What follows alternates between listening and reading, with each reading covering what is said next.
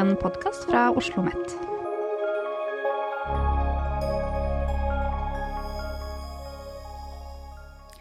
Du lytter til Kaipoden, som handler om arbeidsinkludering, utenforskap og velferdspolitikk. Mitt navn er Telje Sadegi, og jeg er forsker ved Arbeidsforskningsinstituttet her på Oslo OsloMet. I dag skal vi snakke om arbeidsgivere og deres rolle i å inkludere personer som av ulike årsaker står utenfor arbeidslivet. Vi har intervjuet en av ekspertene på forskningsfeltet, Rik van Berkel fra Utrecht universitet i Nederland.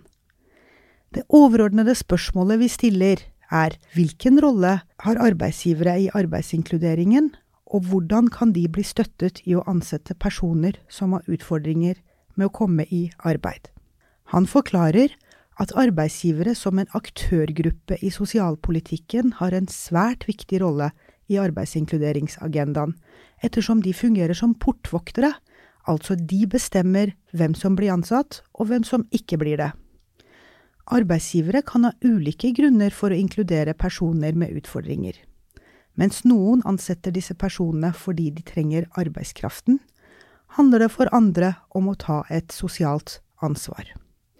Rik van Berkel viser videre til forskning som tyder på at arbeidsgivere er noe mer skeptiske til å ansette personer med psykiske lidelser enn personer med mer fysiske hindringer.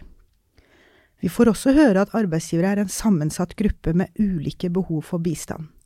Støtten rettet mot de bør derfor skreddersys deres behov og organisasjonens rammebetingelser. For øvrig forteller Rik van Berkel at dette feltet er i sin spede begynnelse, og vi trenger mer forskning og innovasjon for å få en bedre forståelse av støtteordninger som har positive effekter. Dear Dr. Rick van Berkel, Associate Professor at Utrecht University School of Governance. Thank you for joining us today for our conversation about employer engagement and welcome to our studio. Thank you. Throughout your research career, you have been concerned with social policy research, initially with a focus on supply side policies. However, in recent years, your research, in line with other research agendas, has shifted focus to more demand side issues. Can you briefly explain what this demand side of labor market policies is, as opposed to the supply side? And why have we witnessed this specific recent shift of focus?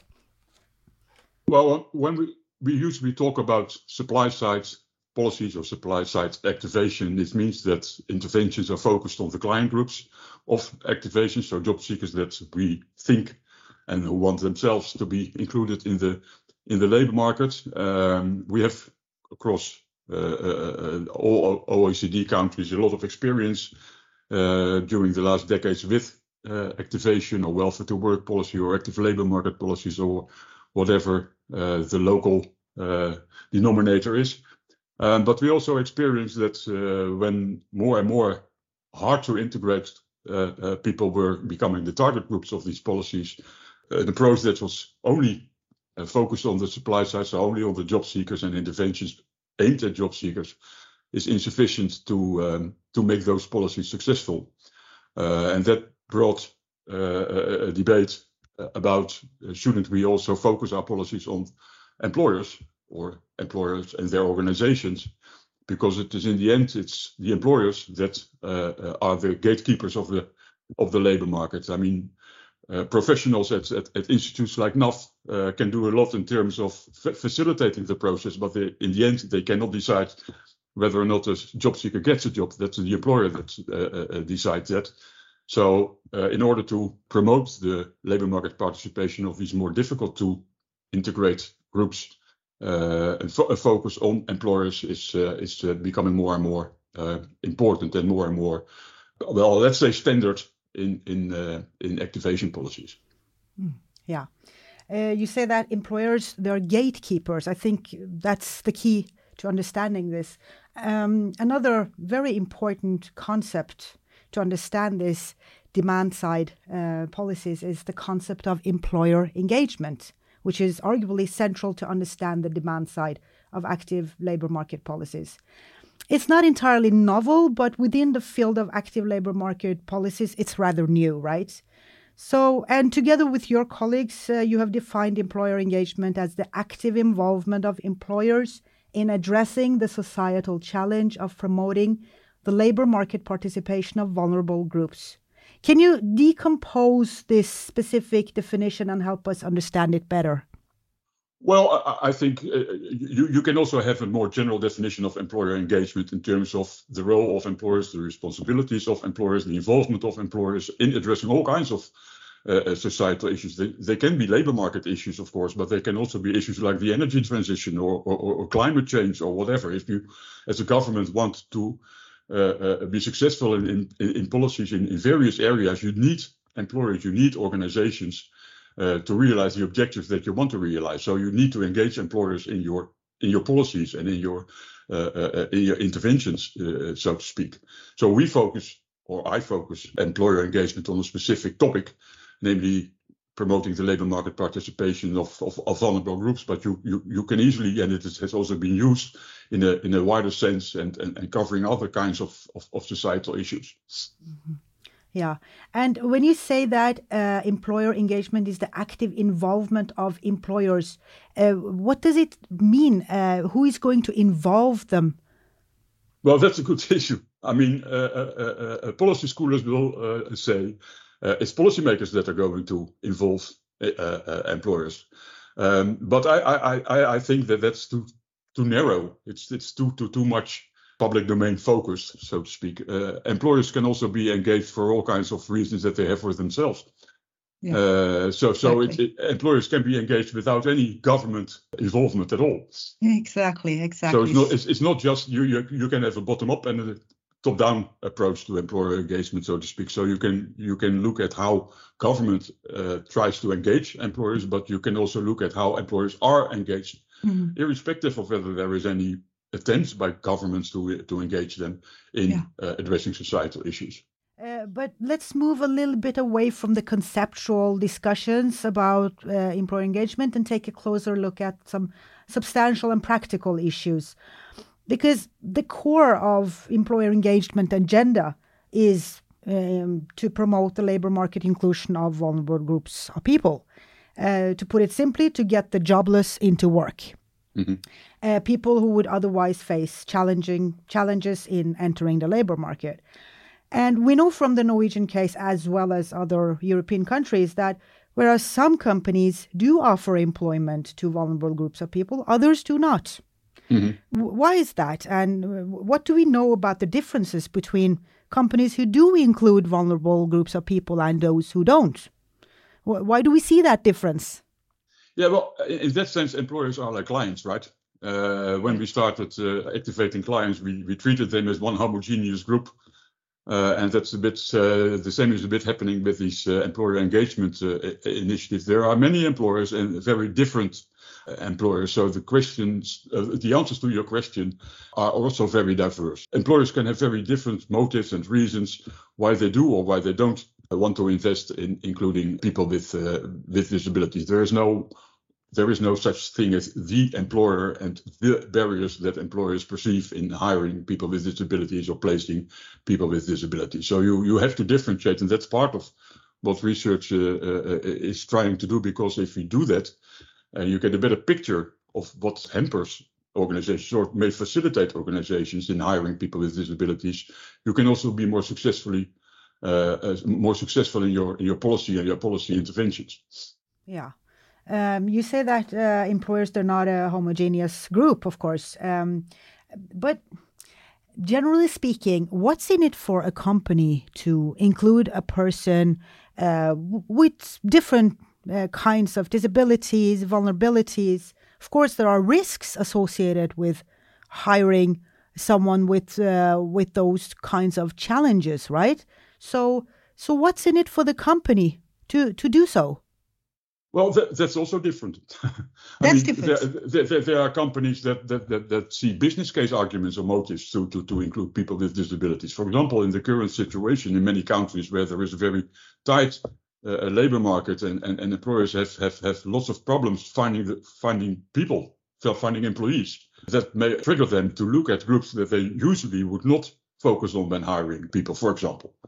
Uh, another issue, another business case argument that you you you hear is that uh, people with disabilities, uh, many people with disabilities, are very motivated to find work, and that's something that employers are looking for for motivated uh, uh candidates. It's, it can also be that employers see that specific group of people with disabilities have specific skills and capacities that they can use. So that's more the business case type of reasoning in terms of why would companies uh, uh, hire people with disabilities. But it can also be that they want to be uh, uh, that they want to do something about the reputation of being an organization that takes its social responsibilities serious. So that's also something that an organization could uh, stimulate to hire uh, people with disabilities. And there are organizations that just, uh, uh, for example, in countries where there are quota regulations that hire people just to avoid fines. So it, it, there can be a lot of different kinds of, of reasons why uh, uh, organizations do or do not uh, yeah. wish to focus on hiring people with disabilities. Yeah. Well, some would say that um, the only motivation for companies is profit maximization.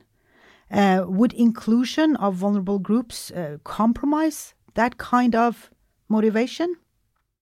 Well, those are two different things. Uh, yeah. The, I mean, the first thing is that I have doubts about whether or not uh, organizations are only focusing on profit maximization. I mean, we know that there is an increasing debate about going away from the traditional Friedman doctrine that the core social responsibility of firms is to make profit and to, to, to make to make value for, for, for shareholders. And we see an increasing debate that focuses on a broader stakeholder kind of capitalism where other stakeholders than shareholders are important. So more and more organizations are trying to find a balance between economic financial values uh, on the one hand and more societal oriented values on the other. So I think that the, the picture of organizations as only all organizations is only focusing on profit maximization is incorrect. That's not the right approach. Uh, yeah. uh, of course, there are organizations that still focus only on profit making. That's completely true, but that's part of this diversity uh, among uh, organizations uh, issue, I would say. Yeah, you mentioned stakeholder capitalism. Can you can you can you say a little bit more about what what you mean? Well, it, it means that when choosing their strategies as organizations, they should not only focus on the, their, their customers and their shareholders, but they should also focus on other stakeholders like employees, for example, or mm-hmm. like trade unions, for example, or like mm-hmm. society in general, or the mm-hmm. community in which their uh, uh, uh, organization is uh, operating. You know, so so there are more stakeholders that have their own expectations from how organizations produce, what organizations produce, how they treat people in organizations, etc., etc. And they all pressurize organizations mm-hmm. to take those kinds of uh, uh, expectations seriously. And part yeah. of that can be also focusing on groups that have some more uh, problems uh, of participating in the labor market. Yeah. Uh, you mentioned uh, earlier um, HR practices that are central to understanding how companies can include people from vulnerable groups. Um, can you say a little bit more about what do we know about successful um, practices that organizations implement in order to be able to be those inclusive companies that are that are able to integrate uh, people that would usually have challenges in entering the labor market?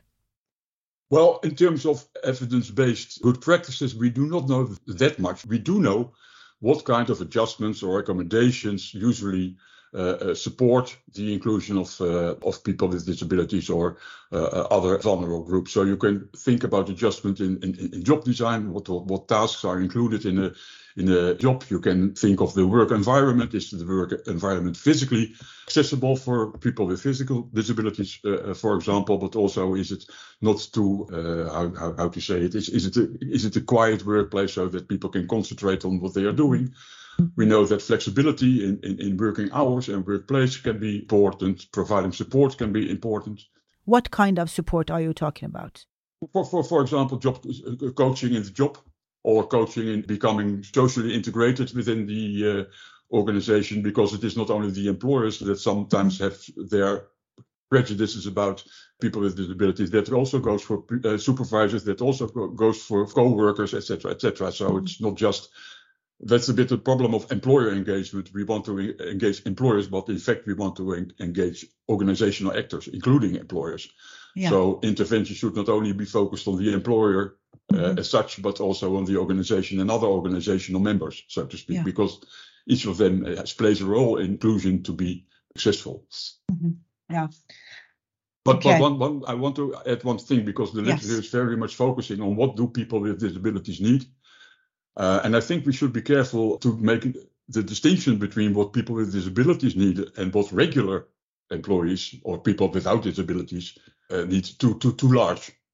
So that would be there would be differences between what. Of course, always the, the, the focus of much research. What can we do for people with disabilities so that they become included in the labor market? But if you talk about work adjustments or job design or mm-hmm. flexible uh, working hours or, or etc. etc. Mm-hmm. I mean, the, these issues are important for people without disabilities as well. Okay, so there are more similarities than we than we have previously assumed. Well, I think we should be be careful in, in not making people with disabilities too much much of a specific group with all kinds of specific needs. Mm-hmm. They are just they have similar needs as, as, as people without disabilities, but mm-hmm. we are organizations are very much focused on looking at those needs of people without disabilities, but not so mm-hmm. much uh, looking at people with disabilities. And that's part of the stigmatization process, in my view. Mm-hmm. Yeah. Uh, and while we're speaking about uh, this specific group of vulnerable people, which is a very diffuse kind of concept, but uh, at least we can say they're not a homogeneous group, right? As you mentioned previously. And people can have vulnerabilities in many different ways, right? Um, what kinds of vulnerabilities or disabilities are are most frequently offered ordinary employment in companies? I mean, in other words, uh, are some types of uh, vulnerabilities or disabilities easier to include? And if so, why? Yeah, that, that's that, that's a tricky uh, pair, pair of questions. Uh, okay. I, I, mean, we know that employers uh, are more likely to, uh, if, if they include people with disabilities, they are more likely to include people with physical disabilities yeah. compared, for example, to people with mental disabilities or psychiatric disabilities or developmental, intellectual disabilities that we know. Yes. But that doesn't necessarily mean that these latter two groups are harder to include. It means that uh, employers feel less hesitant to hire people with physical uh, disabilities compared to the other to, Why to is the that? other groups. Well, it's it's probably also an an issue of what employers know about what various disabilities have in terms of an impact on capacities of people, productivity of people, uh, knowing what to expect. I mean, we know that employers are are, are risk averse in some uh, in some respects, and, and and one of the things is that they do not like to hire people that, uh, from which they don't know what we can expect from them. Okay, so there's something there's something uh, alienating about uh, hiring people that we know little about, like people with with psychological disabilities. Mm-hmm. Yes. Okay. So so it's an attitudinal component to it uh, from a, an employer perspective. Absolutely. Yeah. Okay. And you think that if they knew more about uh, the challenges uh, for these groups of people, they would be less reluctant to hire them? Well, that could that could help. I mean, I'm not sure that they uh, uh, that it automatically means that they will be hired, but but I, I, it's one it's one of the barriers that could be addressed and could be reduced. I mean, the point is that uh, I think that many employers do have uh, uh experience with people with mental issues because many of their employees probably uh, run into mental issues at some point. Uh, and then yeah. they, they they also uh, try to reintegrate those people to to to, to adjust jobs when necessary, or working hours when necessary, or work environment when necessary. So they have more knowledge than they recognize, in mm-hmm. my view. But, anyways, raising employer awareness about mental issues w- would be, uh, could help. Yeah. Yes, absolutely. Let's turn to how companies can be supported in their efforts to include people with vulnerabilities. Mm-hmm. Um, and first, who are the supporters uh, or support agencies, and which agencies are in the position to support companies? We we talked a little bit about it previously, but let's uh, let's be more clear about who are um, who are the support system. Well, that's a good question because when we talk about support uh, to uh, organizations, we usually talk about uh, public support agencies, right? Agencies mm-hmm. like the NAV in Norway or uh, vocational rehabilitation issues, etc., etc. All kinds of public support systems, so to speak. But there are more uh, resources for, from a company point of view. I mean, they can invest in their HR departments. And larger companies do invest sometimes in their HR department because they have dedicated staff for inclusion and diversity. Uh, uh, so they, they, they, they don't uh, need to get, for example, this knowledge about various disabilities from the outside, but okay. they can hire people in their uh, HR mm-hmm. department that have that knowledge, and then they don't necessarily uh, rely for that on, on, on, external uh, public support. But there are also yeah. private private agencies that organizations work with and that can give them support, for example, in recruitment uh, uh, of, of people with disabilities or in the placement of, of, of people with disabilities. Mm-hmm. So I, I think we should make a good distinction between, on the one hand, what kind of support do organizations need, yes, and on the other hand, what kind of resources for support are available uh, uh mm-hmm. uh, to them. Yes. To them, and that that's not limited to the to the public support systems. And that brings us naturally to my next question. What kinds of support are usually available for companies i mean there would be country differences right but but if you can if you can uh, speak a little bit more generally about available resources and support um, especially from the external support system because you distinguish between the inter- internal systems like hr departments but let's now focus on the external support system what are the usual available uh, supports kinds of support the usual available support, and that is, of course, the, the, the traditional task of, of public employment services, mm-hmm. uh, is to, fi- to find candidates for the vacancies that organizations have.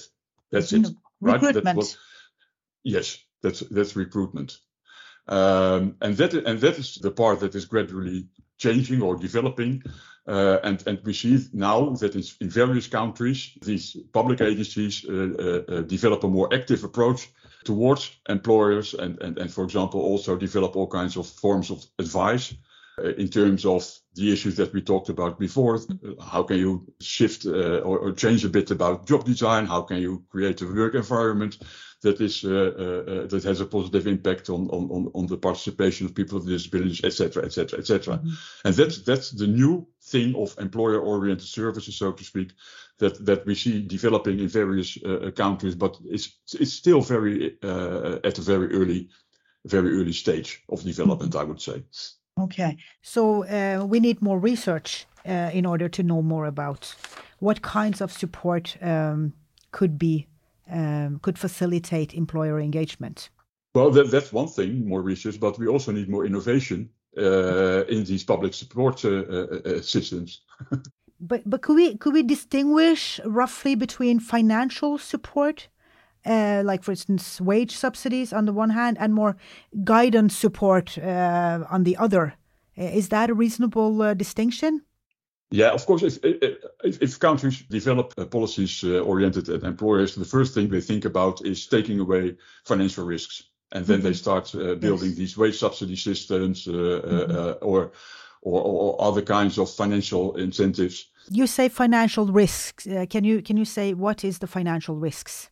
Well, the financial the financial risk that many employers perceive is that people with disabilities are less productive, so mm-hmm. they get paid more than they are actually contributing to the organization. Mm-hmm. Uh, and these and these wage subsidy systems try to reduce that uh, that financial yes. risk for uh, for employers. Yeah. Okay. Um, and, okay. It, and that can that can help, of course, to uh, uh, to stimulate employers to to to think about uh, hiring people with disabilities. But we also know from various studies that in the end, it's not only the financial aspect that triggers or or or, or, hampers uh, employers to uh, to start hiring people with disabilities. Okay, so what we know about um, the effects of, um, if we stick to the distinction, financial support uh, and on the one hand, and uh, more guidance related support on the other. Uh, what will research tell us about the relative importance of these two types? Hardly anything. Hardly any research. Yeah, yeah. I mean, hardly any research, but also not much practice. I mean, there is practice in terms of quota regulations. Mm-hmm. That's that's of course the most famous. Uh, what is uh, quota uh, regulations? So, so regulations that require organizations to have a certain percentage of their workforce uh, from the people with disabilities target group, and and if they do not make those targets, then they will have to pay uh, a fine. That that that's the most uh, regular policy that we see in many countries, not in Norway, I know, uh, because uh, Nordic countries are very hesitant to introduce quota regulations. Yes, that's uh, but in, in, many other European countries, these uh, kind of quota regulations exist, and and we do know that they are not very successful, at least not as a standalone policy. Mm-hmm. So that, that, that is in terms of effects of policies, we know most about uh, uh, quota regulations. We know there are some studies that look at wage subsidy systems, but they are very hard to compare because wage subsidy systems can have all kinds of uh, forms. You have to know exactly what are these subsidies about to yes. to, to, to, to, to interpret the, the success and about services uh, mm-hmm. and guidance, support systems very little uh, evidence available on yeah. how effective it is. Yeah, it's evident that we we have a lot of uh, knowledge gaps in this uh, research field. Um, and also in this practice field. Yeah, yeah, you, you, you should not forget that. yes, no, no, we, we should not forget that. But um, can we still say something about how can employers be better supported? In other words, how can the support system better promote employer engagement and help companies to include vulnerable people? What is best practice here? Mm-hmm. Well, I, am very hesitant about something something like best practice because what, what, what helps employers is also very dependent on the context in which these employers are operating and working, etc., etc. Tailor-made uh, uh, services. Uh, if you if you talk about best practices, is, is is what I would think would be a best uh, uh, practice. You have to get a good picture of the organization, what is happening in the organization, what is possible in the organization be- before you can start thinking about, okay, given this context in which we possibly could place people with disabilities, what do we need to do in this context to make it easier for mm-hmm. organizations to do that? Yes for example, an, an organization that, that, that is in dire need of, of employees will react differently than an organization that has no problems at all in finding mm-hmm. uh, uh, employees, for example. Mm-hmm. Just a simple yeah. example, but uh, uh or, or, large organizations that do have uh, an HR department with professional HR staff uh, will experience different barriers than very small organizations that may be very willing uh, uh, to hire people with disabilities, but have no clue about what kind of support they could get, what kind of financial support they could get, etc., etc. So it, it has to be contextualized. Yes, yes. Uh, well, tailor-made services are very costly, right? Uh, they're time-consuming, um, as opposed to standardized services. Um, but but it's worth it. You, uh, I mean, you say that it's worth it, right? Yes, I mean, if if if you do want, I mean, people with disabilities that are not able to participate in the labor market are also very costly, right? Yes. Uh, yes. So so so so there are also there are also costs involved when you do not manage to uh, invest in in services and invest in promoting uh, inclusive labor markets and organizations. Mm-hmm. Yeah. Okay. Um, to my last question, uh, Rik, um, the Norwegian Labour and Welfare Administration has recently launched a new strategy for dealing with un- unemployment for the next years. And one of the components of this new st- strategy is sustainable employment, meaning long term employment, as opposed to uh, the work first strategy uh, that was prevalent in the in the previous strategy. And my question for you is how could this shift towards demand side and employee engagement research promote sustainable employment of vulnerable groups? Well, that's I, I mean, I, I, fully understand the idea of, of, of sustainable uh, employment, but first we need to get people in their organizations before they can be sustainably employed. yes. uh, so that, that and that's also what, what, what most research is focused about uh, mm. on. It, it focuses on how how to get people into the organization, and not so much on what happens then and, and, yes. and how sustainable. We we also don't know much about the sustainability of people with disabilities currently employed uh, uh, in organizations. Mm-hmm. I mean, it, it, it, does require that that organizations are able to experience what people with disabilities are able to do, where their developmental uh, opportunities are, and whether they can accommodate uh, uh, uh that.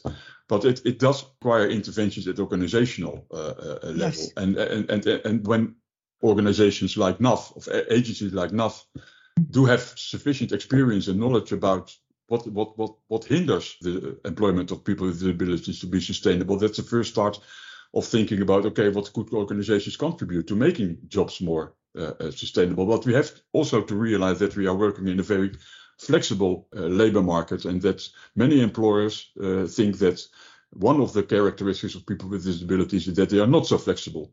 Mm. So that is that is going to be a major uh, a major issue. Yes. Yeah. Thank you so much, uh, Dr. Rik van Berkel, for joining us in this conversation about employer engagements. My pleasure.